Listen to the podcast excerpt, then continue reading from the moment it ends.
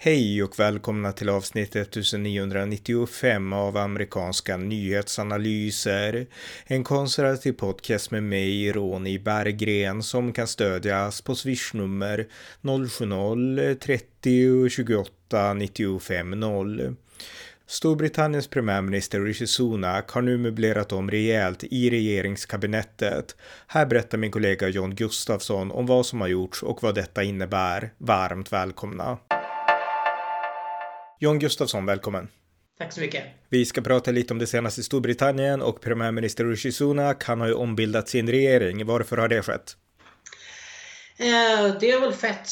Eh, ja, titta på opinionsläget så eh, kan du förstå varför det har skett. Nej men Rishi Sunak, måste ska, skaka om måste skaka om läget i opinionen och Eh, han måste få in, eh, nej men han, han behövde Eh, han kände väl att han behövde få in, eh, få in lite, eh, lite nytt blod och framförallt eh, tror jag personer som han litade på. Och eh, det var ett antal personer i hans regering som han inte litade på. Mm. Och eh, nu kanske ni funderar på hur kan man, hur kan man, eh, hur kan man komma in i en regering om man inte är en person som har bra relation till premiärministern? Jo, det är för att partier består av falanger och ibland så måste partiledare och i längden premiärministrar med svaga mandat som Sunak eh, ta in folk som kommer från andra falanger än, än en själv. Så det blir lite team of rivals karaktär ibland. Ja, och eh, en av de som har rykt då, som både du och jag tycker väldigt bra om, det är inrikesminister Suella Braverman. Vi gjorde en podd om henne den 3 oktober, poddavsnitt 1959, när hon då hade hållit ett tal i USA om att stoppa massinvandringen till väst. Och eh, hon rök, hon fick inte sitta kvar.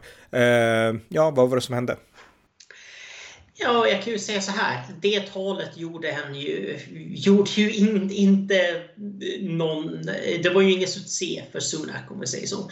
Dels för att hon tog rampljuset från honom, vilket flera av hans ministrar har tänkt försö försöka göra för att eh, närmast det finns lite av en eh, det sitter lite i väggarna att de flesta är inställda på att förlora nästa val och det gör att många politiker inom Tories är inställda på att nej men, eh, Sunak kommer tvingas bort efter nästa val och jag måste positionera mig så att jag kan bli nästa partiledare. Så tänker även Suella Braverman. Eh, hon är ju långt ifrån den enda som tänker så. Men, och det här går också in på varför man skulle, eh, varför man eh, skulle ombilda regeringen. Sunak helt enkelt ska, ska visa lite grann att ja, om du ska sitta i min regering då ska du inte sitta och göra, göra dina egna sideshow, sideshow-grejer eh, vid sidan av.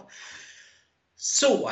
Eh, men, men, med det, men med det sagt. Eh, så, så det fanns, eh, det var dock inte bara att han var avundsjuk på, på Suella Braveman. Utan eh, nej, det som hände det var för att drygt, för drygt en vecka sedan så publicerade eh, eh, Suella Braveman en debattartikel i The Times eh, stor brittisk tidning som man säkert vet.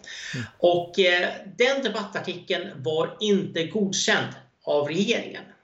Eh, det finns en regel att ska man som, som minister skriva, liksom göra ett debattinlägg så ska det egentligen gå via presstjänsten så att man koordinerar så att premiärministern vet att en minister kommer göra ett uttalande om det här området och han har ja, men en stabschef eller en presschef eller blir, som har läst igenom och kollat så att det här är inte något någonting som går emot regeringens linje helt enkelt. Mm. Och, eh, och det är för att regeringen måste visa en enad front. Och eh, Braverman hade ju uppenbarligen bestämt att eh, nej, det, det behöver vi definitivt inte göra. och eh, nu kommer jag tänka att det här, ja, men det här är ju bara procedurfel, jag menar sak samma. Men vad handlade artikeln om? Jo, det var det som var det verkligt kontroversiella.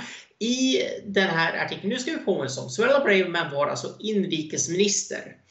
Eh, ansvarig bland annat för, in, för, invandrings, eh, för invandringspolitiken. Och, eh, eh och eh, hon gick alltså ut eh, och kritiserade poliskåren det är så här att eh, sedan den, det senaste kapitlet i dispyten, eh, eller dispyten, konflikten, kriget mellan Israel och Hamas så har det hållits ett flertal extremt stora demonstrationer för Palestina i Storbritannien.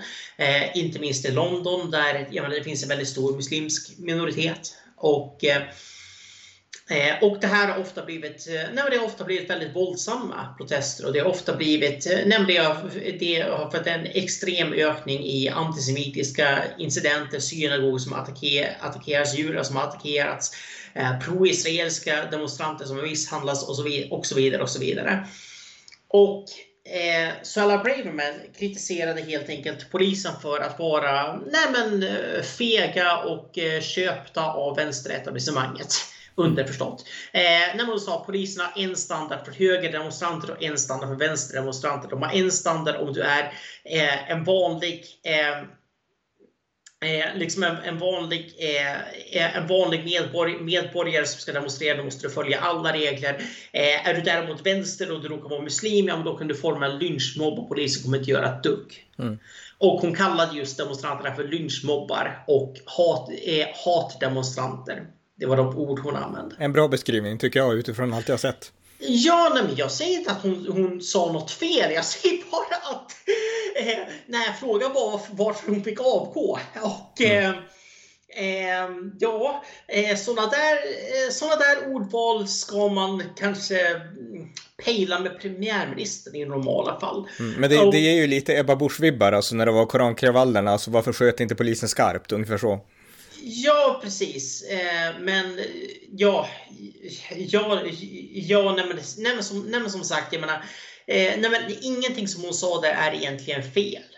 Jag menar, sen kan man ju diskutera om problemet är eh, poliserna på marken, om det är polischeferna, om det är lagstiftning som inte gör det helt klart när polisen kan ingripa och hur mycket våld man får använda när man ingriper. Eh, men visst, jag menar, polisen hade kunnat sätta in, jag, menar, jag säger inte att man ska skjuta skarpt, men man kan, man kan sätta in tårgas. Liksom. Tårgas, gummikullor, eh, vattenslangar, eh, ja men standard liksom bryta upp folksamlingar, samlingstaktiker, kravallstaket, jag menar hela grejen. Mm. Och så finns det en eh. dubbelstandard utan tvekan, precis som hon, hon sa då, eller skrev liksom att... Eh, ja, precis. Ja. Och eh, ska jag också näm nämna att eh, nu, eh, nu i veckan så var, så var det minnesdagen, den 11.11 minnesdag, minnesdagen för första världskriget. Och det här är en väldigt stor grej i i Storbritannien. Eh, såklart ingenting som vi, vi firar i Sverige, men det är mm. alltså, det, det är alltså årsdagen då, då första världskriget avslutades. Och eh, det här eh, togs över av palestinska demonstranter. Det brukar alltid vara jag menar, minnesceremonier liksom för veteraner som har stupat i krig. Och liksom, ja, men det brukar alltid finnas liksom, fredliga ja, manifest, manifestationer, minnesceremonier. Men det här det här året på årsdagen så togs alla liksom, offentliga platser över av palestinska demonstranter som istället ville hedra minnet av martyrerna som dött i kriget mot Israel. Mm. På minnesdagen för brittiska soldater som stupat i, i världskriget. Mm. Det... Ja. Eh, jag, måste, jag, jag måste väl inte förklara varför det här är absurt. Och eh, Braverman och flera andra menar att de här borde aldrig ha fått demonstrationstillstånd. Och de borde aldrig ha tillåtit stör, störa och trakassera människor som ingick i vanliga minnesceremonier. Men det finns flera klipp där kan du söka på, på, på Twitter till exempel, till exempel där polisen eh, agerar aggressivt mot vanliga medborgare på, min, på minnesdagar. De som bara jag menar, eh, vä, vägrade, vägrade flytta på sig för, för ja, men, palestinska lynchmobbar helt mm. enkelt. Eh, men inte gör något åt inte gör något åt muslimerna. Även, när, det, även liksom när, vi, när vi pratar om en brittisk manifestation som har tillstånd och en, och en pro-palestinsk demonstration som inte har det. Mm. Så eh, Nej men, alltså det, nej men det, det, är ett helt, det är ett helt vekt, det är ett, det är ett vekt agerande. Men, och, men då visar ju Suelle Brim att, att hon har helt rätt inställning. Vad, liksom, vad var det som störde Rishi Sunak så mycket att han kände att nu måste hon få sparken? Alltså vi ska, ju, vi ska ju börja med att som sagt, eh, det jag försökte eh, antyda på tidigare, det är Suella Braverman är en av dem som Rishi Sunak egentligen aldrig har gillat och hon har aldrig gillat honom heller. Eh, hon stödde honom inte i partiledarvalet. Hon, eh, nej, de kommer från olika falanger inom Torypartiet. Utan Eh, hon är, eh, hon är som, en sån som han, han tillsatte för att han ville försöka ena partiet bakom honom. Så det var en eftergift mot, eh, mot den konservativa falangen i det konservativa partiet.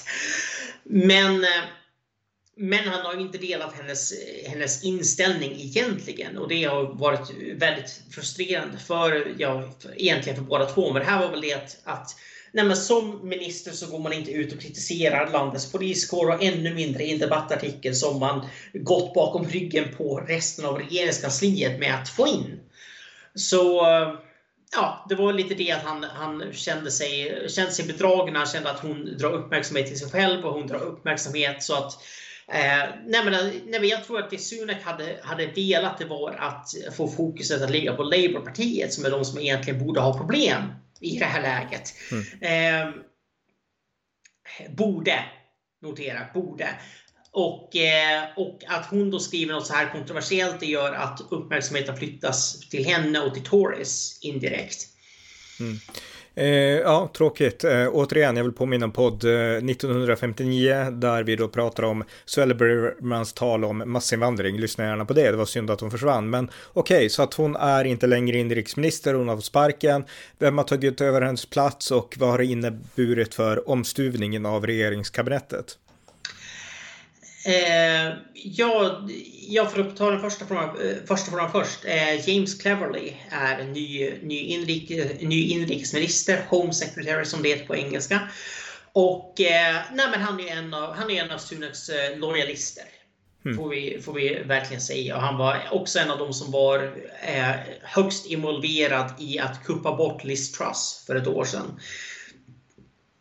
Så eh, nej, jag har och han är också, jag menar, nu, nu ska jag säga det här. Jag hör inte alls till dem som är emot karriärpolitiker som så. Det finns många fördelar med att ha människor som har varit i politiken väldigt länge och som har nej, men verkligen lärt sig hur, hur allt administrativt arbete, allt regeringsarbete faktiskt fungerar.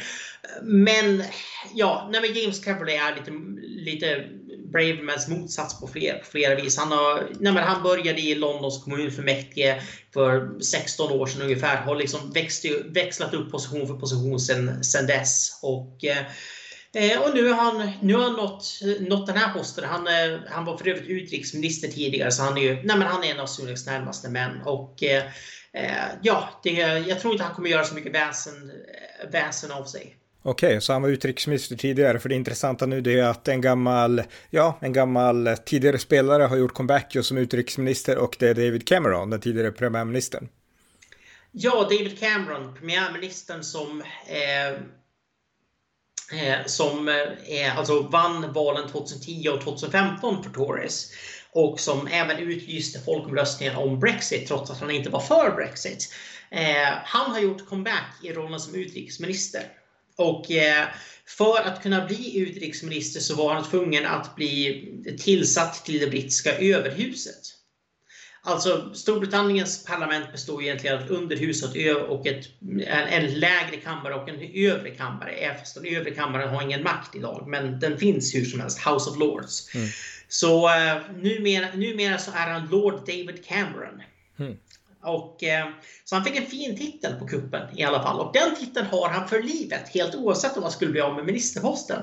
Uh, så ja, nej, det här var lite oväntat. Och Eh, ja, eh, vad, ska, vad, ska, vad ska man säga om det? Nej men, eh, eh nej, men David Cameron nej, men David Cameron är kompetent.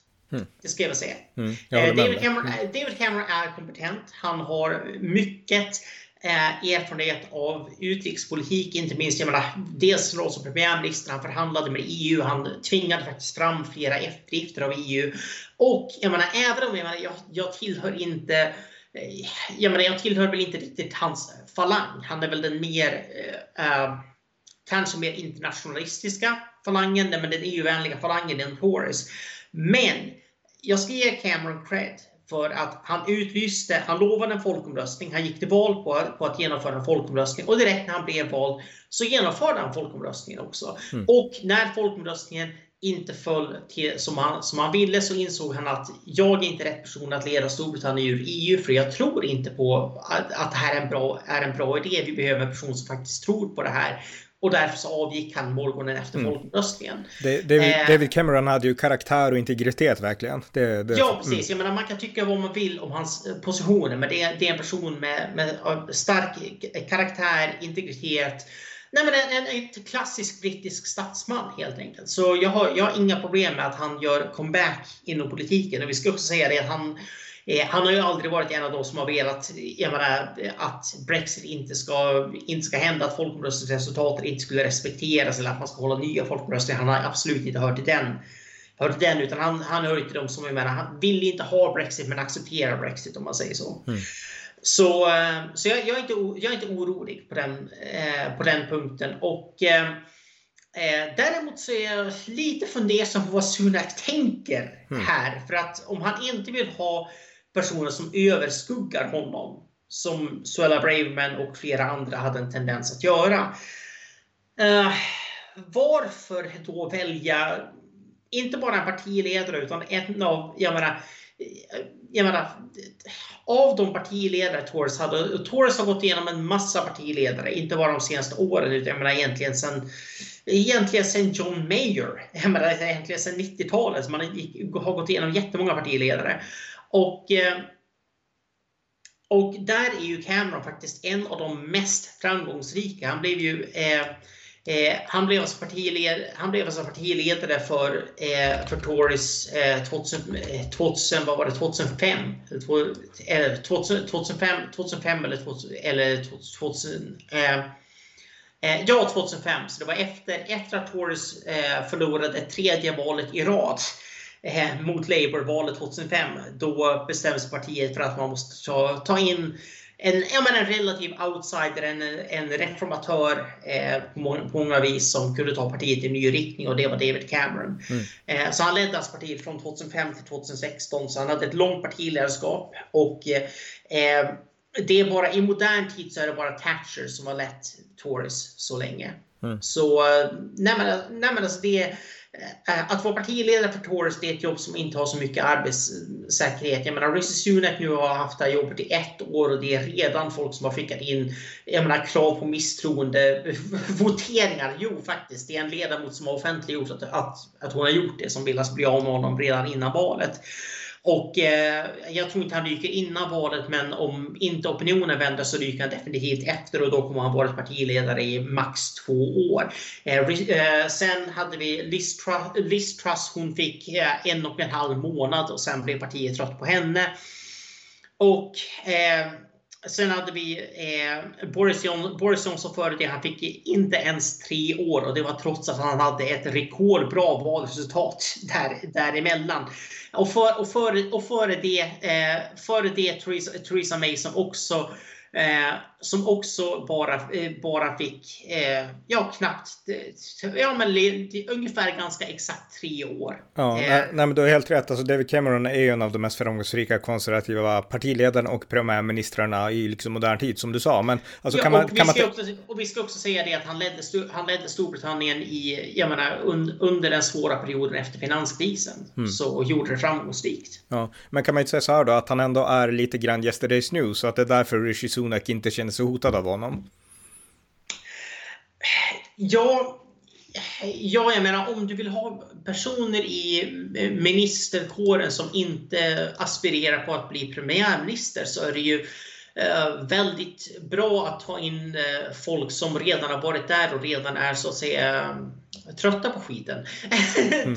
det är väl i och för sig en intressant strategi, men eh, Eh, nej men, eh, men, nej men, nej men alltså jag, jag, jag, är inte, jag, är inte helt, jag, är inte helt, jag är inte helt säker. Jag tänker ändå bara det att just att mediefokus hamnar på, hamnar på Cameron och eh, Nej, men alltså jag, jag, är inte säker på att det här kommer hjälpa Sunak att, så att säga, helt växa in i rollen och vara lite, nej men alltså bli, bli den, den lite mer när man alltså blir ledare i praktiken och inte bara på pappret. Men du, du har en gissning på då hur Sunak har resonerat? Han kanske inte har resonerat alls egentligen? Jag tror att han ville skaka, ville skaka om, han ville få en positiv nyhetscykel, han ville få eh, han ville visa liksom att nej, men nu tar vi in, liksom, vi tar in erfarenhet, vi, liksom, vi rensar bort populisterna och vi tar in liksom, ja, men erfarna seriösa politiker för att jag står för ett seriöst ledarskap. Ja, men, han sa inte det rätt ut, men det är väl ungefär signalerna jag får.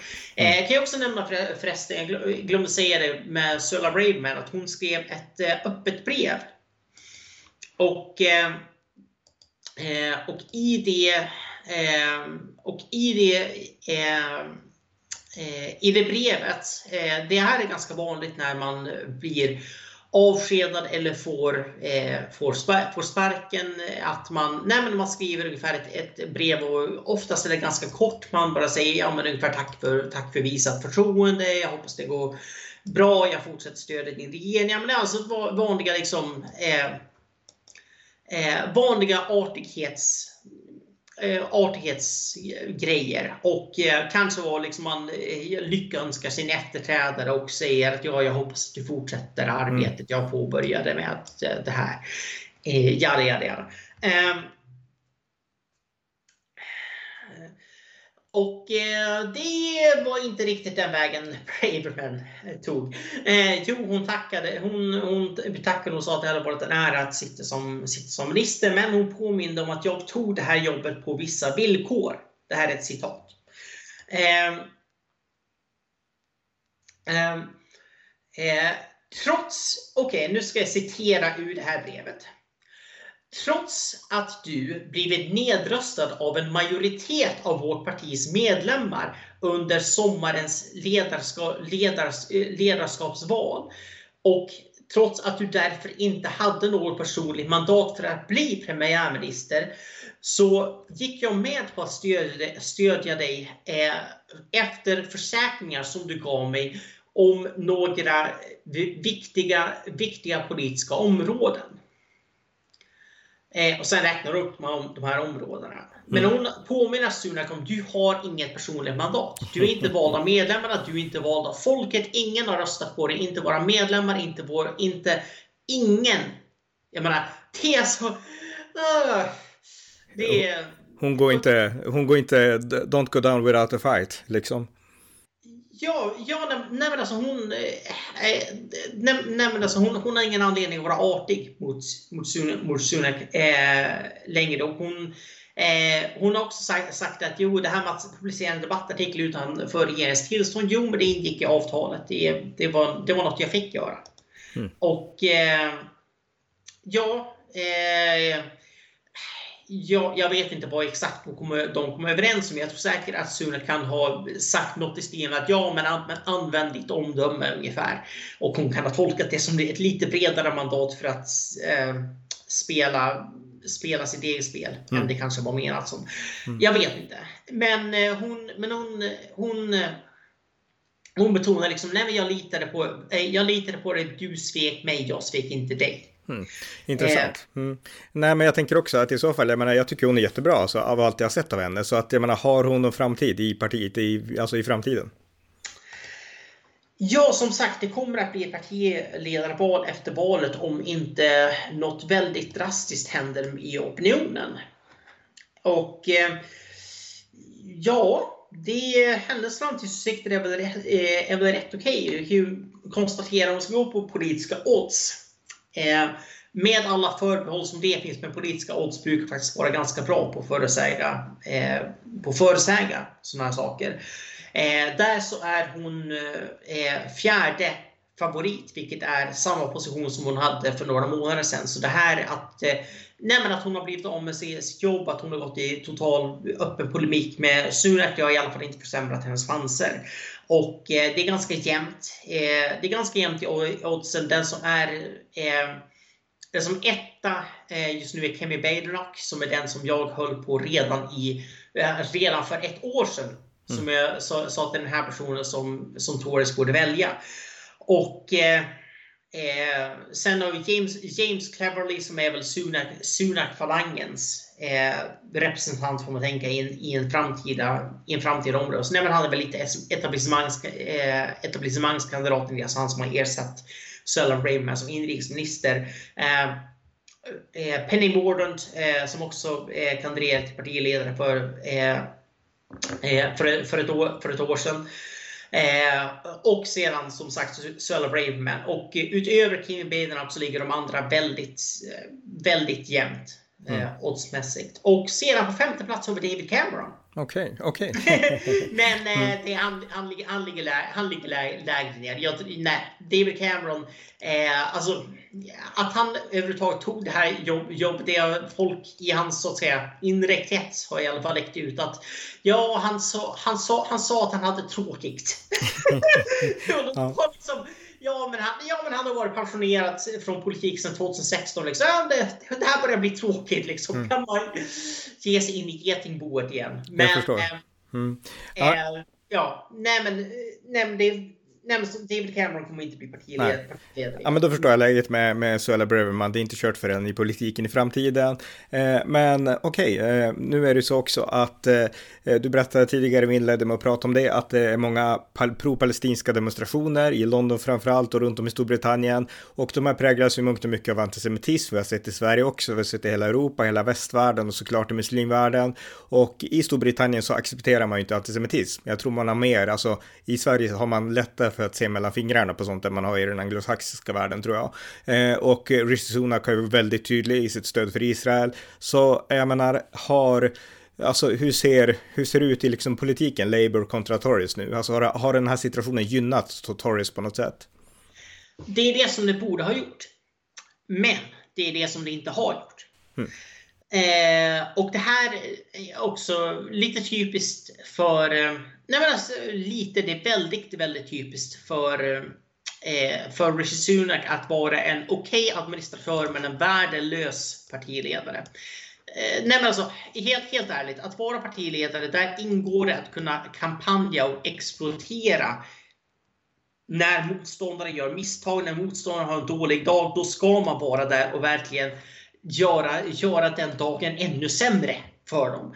Och eh, eh, Sunak har väl hoppats i princip att Labour bara ska implodera av sig själva. Det kommer inte att ske. Vi pratar om ett parti som leder 20% i mätningarna. Eh, och eh, nu ska vi faktiskt, om vi ska gå på de tre senaste mätningarna så är det faktiskt värre än så. Då är, Labours ledning är alltså 23, 30 och 27% Ledningen. Mm. I två av de mätningarna så ligger, så ligger de konservativa nere på 19% Det är jag menar, nu tror jag att det är lite outlier, men Alltså det är, nej men det är en, alltså i en sån här situation, det är lite grann som när, jag menar, när ett hockeylag ligger under med 3-0 med 5 minuter kvar. Det är bara att ta målvakten. Jag menar, bara chansa på någonting. Vad, vad spelar det för roll? Vad har du förlorat? För, eh, eh, så, nej men, och det är det här som, som är det som är så, så frustrerande. För att ja, eh, Sunak stöder Israel. Det är bra. Alla brittiska premiär, premiärministrar, alla tänkbara kombinationer av premiärministrar. Eh, alltså, eh, jag menar, den enda som inte hade gjort det i det här läget är Jeremy Corbyn. Mm. men jag menar, nej, nej, nej, nej, men alltså, eh, Keir Starmer, han hade inte gjort någonting annorlunda egentligen. Mm. Och Keir Starmer har också eh, haft ett internt uppror för att han stöder Israel i alla fall så mycket som man kan och, ändå vara vänster. man säger så. så, så, så Israelfrågan är en icke-fråga egentligen då?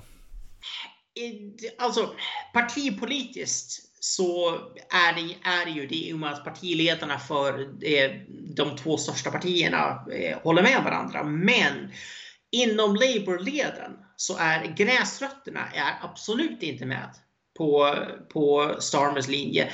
Och Eh, i en omröstning i parlamentet där Scottish National Party la fram en motion om att Storbritannien ska verka för en vapenvila så gick eh, 56 av Labours ledamöter och röstade mot partilinjen för den här motionen om att verka för en vapenvila. Och eh, ja, det, alltså, normalt sett, i ett normalt opinionsläge så hade det där blivit en kris och då, då ska vi tänka att det var så, jag minns inte ens hur många, ett dussintal personer som avgick från, från Keir Starmer, Labours partiledares skuggministär för att de, för att de sa att jag, menar, jag kan inte stödja Keir Starmer längre för att han stöder Israel. Och det här, alltså, det här är mer än en fjärdedel av partiets ledamöter som gick emot partilinjen, inklusive flera med, med hög profil. Mm. Så, och dessutom ute bland partidistrikten så läggs det fram motioner till stöd för, till stöd för Palestina. Labour-styrda, eh, Labour kommuner eh, tillåter pro-palestinska lynchmoppar som sagt. Eh, och jag menar, ge, ge, jag menar, ge sin välsignelse helt enkelt till beteende som vi inte har sett sedan pogromerna på 1800-talet. Mm. Alltså det här är närmast det här är helt sjukt. Så, så kontentan är ändå att de konservativa har en stor möjlighet att utnyttja det här, men de lyckas inte? Hade. Mm, hade. Det är det, det, är det, som är, det är det som är grejen. Hade man gått in här och verkligen exploaterat, använt alla kommunikationskanaler, eh, krävt att Keir Starmer ska utesluta antisemiterna ur sitt parti. Jag menar, verkligen pressa på det här. Vänta inte på att Labour ska implodera, det kommer inte att ske. Mm. Okej, okay, det kommer inte ske. Jag hade också hoppats på det för två år sedan, men inte nu. Det kommer inte ske. Keir Starmer, hur oinspirerande han än är, så är han kompetent nog som administratör, som partiledare för att partiet kommer inte själv implodera. Alltså, får jag, får jag skjuta in en sak? Alltså, jag känner genast att man kan dra paralleller till Magdalena Andersson och Socialdemokraterna. Jag, menar, jag tycker till exempel att Sverigedemokraterna och även Moderaterna då borde bli otroligt aggressiva nu mot Socialdemokraterna och verkligen driva på att Socialdemokraterna är precis som Labour ett parti som oavsett vad, vad de tycker är toppen om Israel och att Israel har rätt till självförsvar ändå liksom lyfter fram islamister till riksdagen och i liksom alla möjliga positioner och att det är inte acceptabelt längre. De konservativa i Sverige borde dra en linje i sanden. Ja, nej men, själv, nej men självklart. Och, och det, det är just det här när man kräver utrensningar. Och om vi då tänker oss att eh, att Rishi Sunak istället för att avskeda Suella Raymond istället hade, hade, hade beordrat in, jag menar helt enkelt beordra in hemvärnet, ta in, militär, ta in militären, ta in alla specialstyrkor och krossa kravallerna. Spela, spela roll om, om det blir, blir dödsoffer så sak samma. Gummikulor, tårgas, kravallstaket hjälper inte det, skjut skarpt. Vi ska inte ha pogrom, pogromer i Storbritannien. Alltså, tänk, tänk, efter, tänk efter nu. Emmanuel Macron, som är kanske min, den politiska ledare i Europa jag tycker minst om. Till och med han lyckades skicka in kravallpolis mot antisemitiska jäkla lynchmobbar. Det är inte mm. så jäkla svårt. När en förbannad fransk EU-federalist kan göra det, då ska ju Sula kunna göra det också. Ja, Frankrike är, liksom... är, så liksom- kul att de är så, de är så dubbla. De är internationalister på ett sätt britterna inte är. Samtidigt så är de tuffare ibland liksom. Så att, ja. Mm. Även Tyskland har ju varit, har ju varit tuffare. De har ju till och med förbjudit flera av de, av de organisationer som anordnade demonstrationer. Alltså mm. det är ju värsta crackdown på islamism där. Mm. Alla verkar fixa, fixa det här utom Storbritannien. Och Sverige. Und, ja, men Storbritannien har, Storbritannien har bättre regering. Mm. Det finns ingen ursäkt för, för det här. Så hade man gjort det, ja men då hade Labour, för det som hade hänt då, det är att det hade, från vänsterhåll hade det skrikit som åh det är en polisstat och de kränker vår, liksom, vår äh, mötesrätt, jada jada mm. jada. Och Starmer har hamnat i en omöjlig situation. Gå emot gräsrötterna som just har fått eh, blivit sprayade med kulor och tårgas och sitter, i, i sitter häkta, häktade i, liksom i väntan på, rätt, på rättegång för störning av den allmänna ordningen. Eh, om man står på deras sida så står han inte på majoritetens sida för majoriteten tycker inte om lynchmobbar. Eller så kan han gå, gå emot dem och tappa stöd internt inom partiet och, gör, och blöda stöd till ja, Scottish National Party, Green Party, mm. till soffan, till... Nej, men helt och enkelt, de konservativa hade kunnat gnugga händerna liksom? Precis, mm. man hade helt enkelt man hade kunnat slå igenom. För grejen är det, Labour är inte ett ena parti. Man är inte enade bakom någon agenda. Det enda som man vinner på är att de konservativa är så mycket sämre just nu. Allt det som har lett till det här opinionsläget, det är helt självförvållat. Först, jag menar, Boris Johnson som inte kunde sluta festa under en jäkla pandemi när resten av landet stängde ner. Det var helt självförvållat. Vad man än tycker om att han tvingades bort, det var ett självförvållat misstag. Mm. Det går inte att komma bort från. Mm. Eh, Liz Truss, jag tycker inte att det var rätt att hon, att hon tvingades bort, men det var återigen ett självförvållat misstag att lägga fram en budget som inte ens hade, hade bedömts av, av eh, som inte ens hade, hade bedömts av oberoende, av oberoende bedömare, att lägga fram den jättetidigt, att vara nej men så klumpig som det bara gick och inte förankrade någonting i partiet innan, innan hon la fram den. Och det var det som sedan när Ja, men ni, ni minns, det blev mm. nästan en börskrasch i Storbritannien och hon, tvingade, hon tvingades bort. Och sen Rishi Sunak. Det är liksom att kan man bara få en partiledare som inte är en jäkla kamikaze-pilot för en gångs skull. Det är inte så jäkla svårt. Det är inte så att britterna har blivit vänster. Faktum är att i alla väsentliga frågor så har ju britterna gått åt höger. Mm. Det är bara det att man röstar åt vänster för att man är så förbannat trötta på Tory-regeringen. Så kort och gott, alltså det, det Storbritannien behöver det är en stark, tydlig, liksom konservativ premiärminister som har både integritet och karisma liksom och eh, jag menar ideologisk trygghet att kunna fatta beslut som han inte backar ifrån. Och som inte fäller krokben på sig själv hade mm. ju kunnat vara en jättebra början. Bara, mm. bara, bara liksom en sångare. Jag ställer inte, jag ställer inte så höga krav nu för tiden. Bara liksom men, men för att bolla tillbaka till David Cameron, kontentan är helt enkelt att eh, de konservativa har inte haft den här slags personligheten sen David Cameron, inte ens Boris Johnson. Nej, jag menar Boris Johnson, även om menar, han, han fick många bra saker, saker gjorda, men han föll ju på att han var i en statsmannaposition och han är ingen statsmannapersonlighet. Nej. Och det var ju en sån grej, för jag menar, jag, jag, kan inte se att David Cameron hade festat under en pandemi. Nej, inte sen är, jag, sen är jag inte säker på att han hade stängt ner landet heller. Men jag, hade han gjort det så hade han ju förstått, jag menar, Nej, men det går lite genom den mer aristokratiska noblesse oblige eh, grej, grejen. Jag menar, det är som att kungafamiljen stannade i Storbritannien under kriget. Det finns liksom en, en förväntan bland bland aristokratin att nej, men är det verkligen kris i landet, ja men då ska vi, då, då ska vi lida, vi ska göra uppoffringar som alla andra. Ska... Och det, är, det är en väldigt brittisk ja. så här, alltså jag vill bara lägga in en sak, det är, det är en väldigt brittisk tradition, alltså vi tänker oftast på aristokrati som något dåligt, som liksom eh, folk som lever på andra och som bara liksom, du vet den här trappan, den här socialistiska modellen, aristokrater ja. i toppen och sen så arbetarna längst ner. Men faktum är att det är tvärtom, i alla fall i Storbritannien, därför att det var aristokraterna som blev officerarna, det var alltid de som skulle leda arméerna och i första världskriget som du var inne på, jag har läst, läst om det här,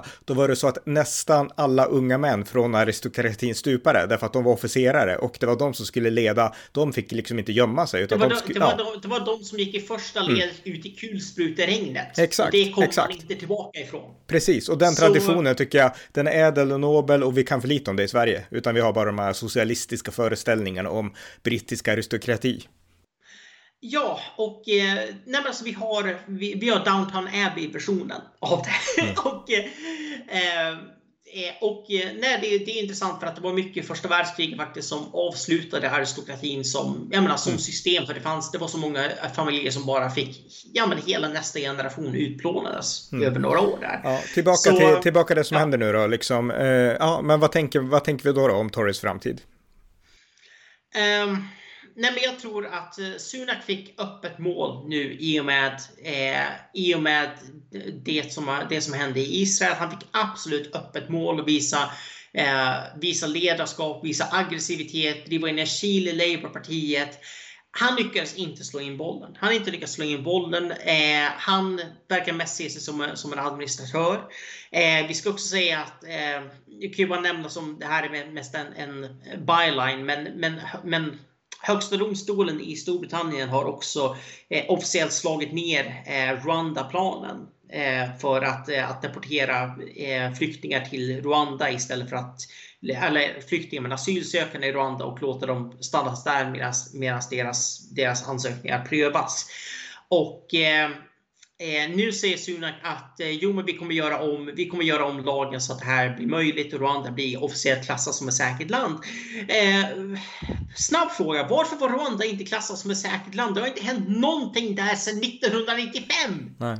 Det, det, är liksom, det blir inte säkrare än så i Afrika. Det är ett, det, det, Rwanda är Afrika Singapore. Jag mm. skulle gärna bo där. Jag har inget emot det alls. Allvarligt talat, det skulle vara mer säkert där än i Malmö. Mm, mm. Ja, men, eh, men, eh, ja. Jag är lite frustrerad. Ja, jag. Inte, det. Det, är, det, är, det, här, det, här, det, är oerhört, det är oerhört frustrerande och det enda som är så att säga lite trösten i allt, i allt det här, det är att om och när Keir Starmer blir vald, och jag är ganska resignerad för att han kommer att vinna nästa val, förhoppningsvis inte med mer än 10% hoppas jag. Eh, skulle gärna se att det inte blev mer än Tony Blair-siffror på det här. Mm. Eh, men om och när han nu gör det så kommer han inte vara vald för att britterna tycker om honom eller för att de tycker om hans politik. De vet ingenting om honom eller om hans politik och det lilla de vet om honom tycker de inte så mycket om enligt mätningar. Eh, utan det är för att Tories har klantat bort det. Och det är i alla fall en bättre grund för en comeback jämfört med Tony Blair som faktiskt var på fullt allvar älskad en gång i tiden. Eh, och det var därför han var så svår, att, alltså, så svår för Torres att få bort från tronen. Det var därför de förlorade tre, tre val mot honom. Men eh, eh Starmer kanske får Tony Blair siffror men han är ingen Tony Blair. Så de konservativa återigen, de behöver bara en starkare och bättre partiledare? Ja, precis. Och eh, någon som någon som inte är en kamikaze-pilot. Jag tar, mm. nästa, tar nästan vem som helst. Men jag kan ju säga anledningen till att jag föredrar Kimi Badenoch framför Suella Braverman. Jag skulle vara helt okej okay med vilken som helst. Jag skulle, skulle stå helt bakom Suella Braverman. Hon är smart. Men hon har en tendens för mig att vara lite för mycket loose cannon ibland. Mm. Som att, göra, att göra lite för oberäkneliga, lite för aggressiva lite för mycket showande, om man mm. säger så. Medans Weidenhock har visat sig vara lite, lite mer där, okej okay, jag vet när jag ska prata och jag vet när jag inte ska säga no någonting också. Så, eh, så jag tror att, eh, nej men jag tror att i de breda folklagren skulle, så tror jag att Kim Weidenhocks ledarskapsapproach skulle gå hem eh, lite bättre. Men allvarligt, Båda två skulle vara tio gånger bättre än någon av de typ två, tre senaste premiärministrarna. Så sak mm. ja. Tack så mycket John. Tack själv. Tack för att ni har lyssnat på amerikanska nyhetsanalyser, en konservativ podcast som kan stödjas på swishnummer 070-30 28 95 0 eller via hemsidan på Paypal, Patreon eller bankkonto. Skänk också gärna en slant till valfri Ukraina-hjälp eller Israelinsamling. Allt gott tills nästa gång.